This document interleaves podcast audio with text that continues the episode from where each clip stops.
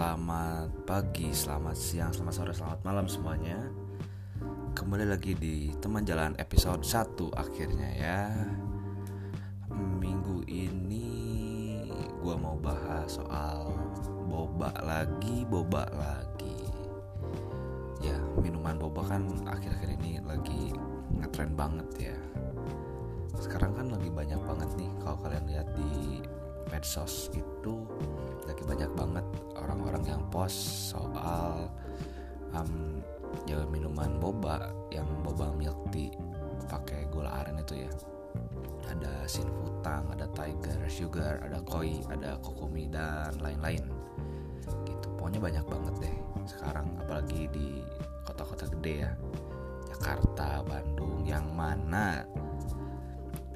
gue sendiri kan belum pernah nyobain sih tapi kata-katanya sih kata orang-orang yang udah coba sih rasanya mirip es cendol. Cuma mungkin ada benernya juga kan. Base nya kan dibikin dari gula merah terus boba kan dari tepung-tepungan ya. Kalau cendol tepung beras kalau boba kan tepung tapioka kalau salah ya.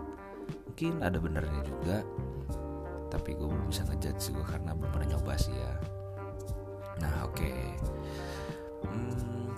di Indonesia ya selama beberapa tahun ke belakang sebenarnya kalau kita lihat-lihat ya itu tuh minuman-minuman yang jadi franchise itu kiblatnya pasti kalau ke Taiwan, China gitu, Thailand sama Jepang gitu.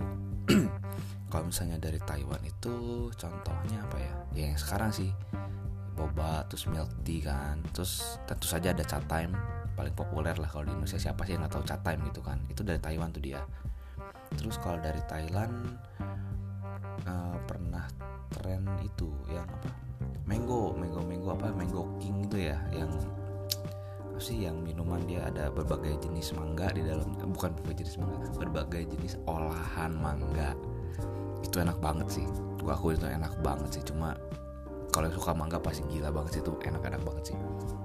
Terus tentu saja dari Thailand ada Thai tea yang gak ada matinya mulai dari mungkin kita semua tuh tahu tea awalnya dari uh, apa?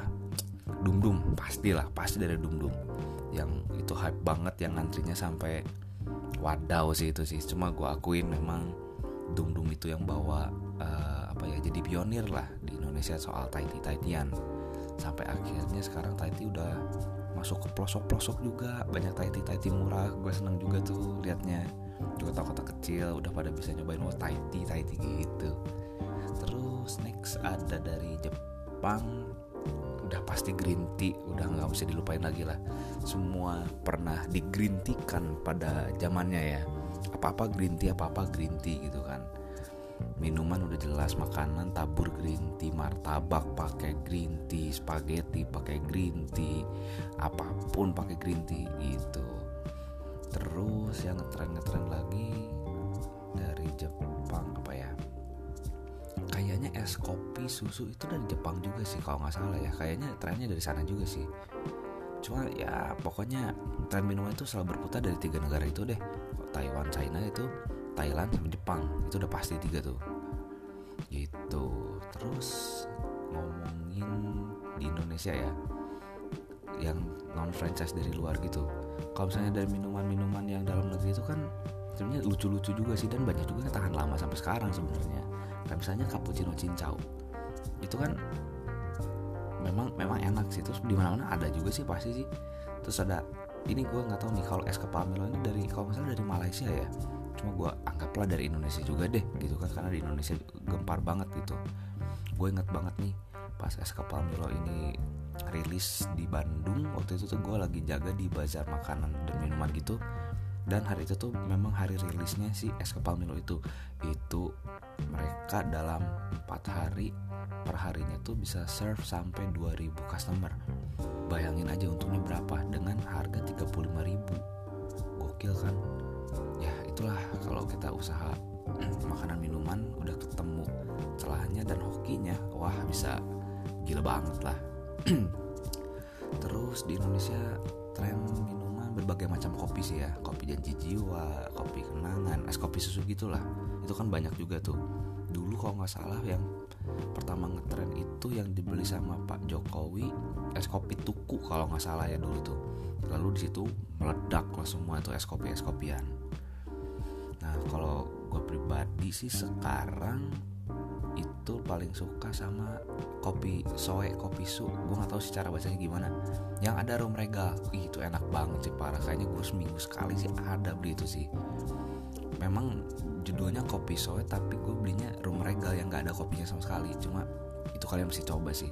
Itu enak banget.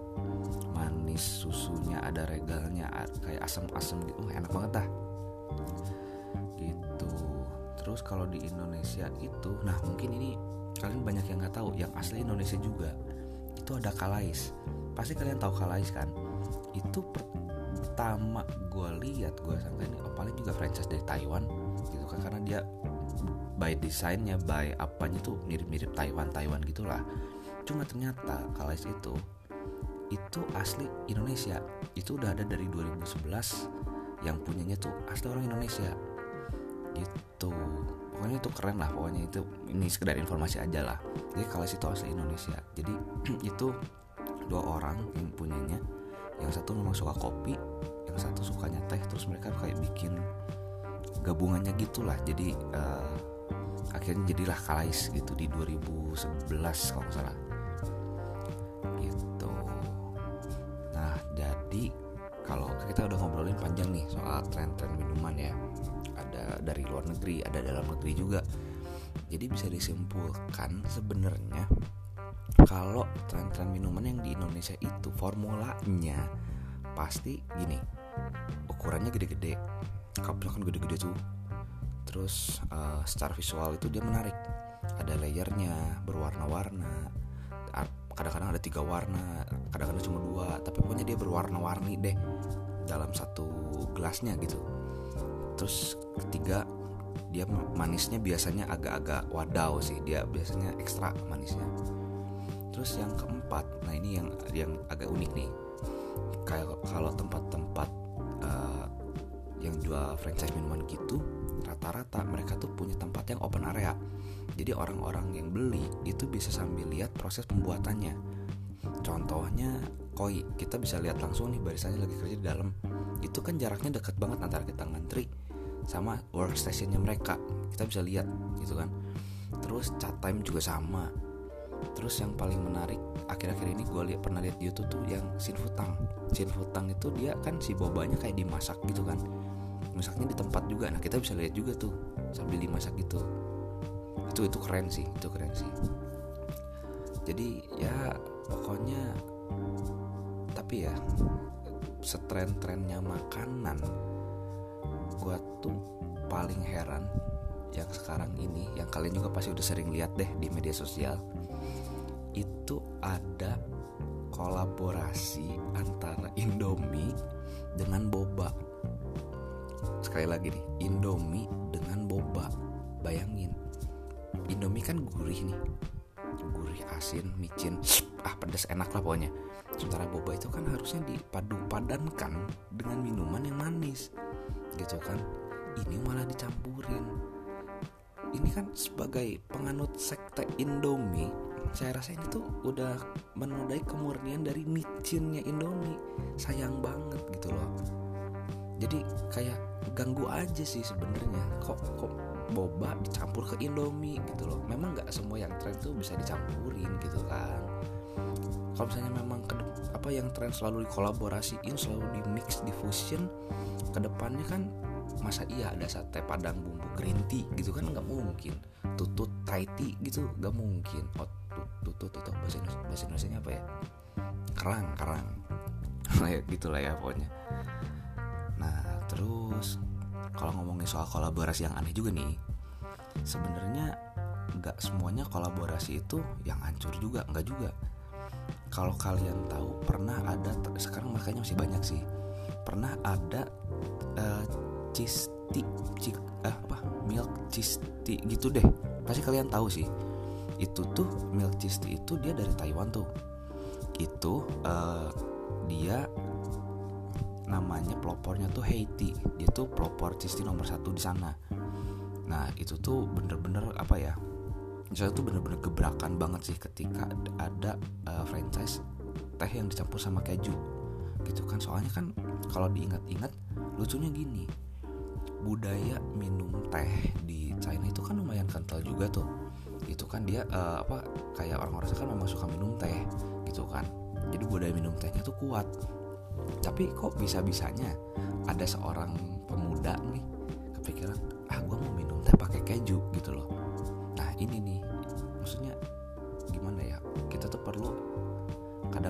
kalau di dunia FNB itu perlu uh, terobosan-terobosan kayak gini gitu loh. Kita harus mikir yang out of the box tuh ya beneran gitu loh maksudnya. Kayak ini siapa sih yang kepikiran bisa menikmati teh pakai keju gitu loh? Meskipun nggak literally keju diparut gitu ya maksudnya uh, ya dia dari dua hal yang bener-bener beda alam gitu loh. Satu teh satu keju tapi dicampurin enak gitu loh. Gue pernah coba dari ya banyak lah franchise itulah salah satu dari situ dan memang rasanya enak. Gitu gue akuin rasanya enak. Gitu. Nah ngomongin soal minuman tuh gue kenapa gue pengen ngomongin minuman juga gitu kan. Karena gue tuh kan sebenarnya suka di dunia F&B ya. Terutama minumannya sih sebenarnya sih. Karena uh, dulu pun gue kan pernah kerja nih jadi barista. Selama kurang lebih satu kedua tahun lah satu kedua tahun gitu. Dan memang menurut gue sendiri ya kerja di dunia FM itu memang asik sih. Memang asik sih. Itu uh, gue dapat serunya ketika nemuin campuran minuman yang enak gitu ketika belajar bikin kopi yang enak ketika tahu cara tekniknya nih bikin kopi itu yang enak gimana terus uh, gimana sih rasa supaya kita bisa ciptain satu rasa yang kita kita udah tahu nih di otak kita kita mau bikin rasa yang kayak gini gitu loh. Nah proses kreatifnya menuju ke situ itu yang seru sih sebenarnya sih. Pengalamannya beda lah experience-nya beda daripada kita bikin apa ya ide cerita atau gitu.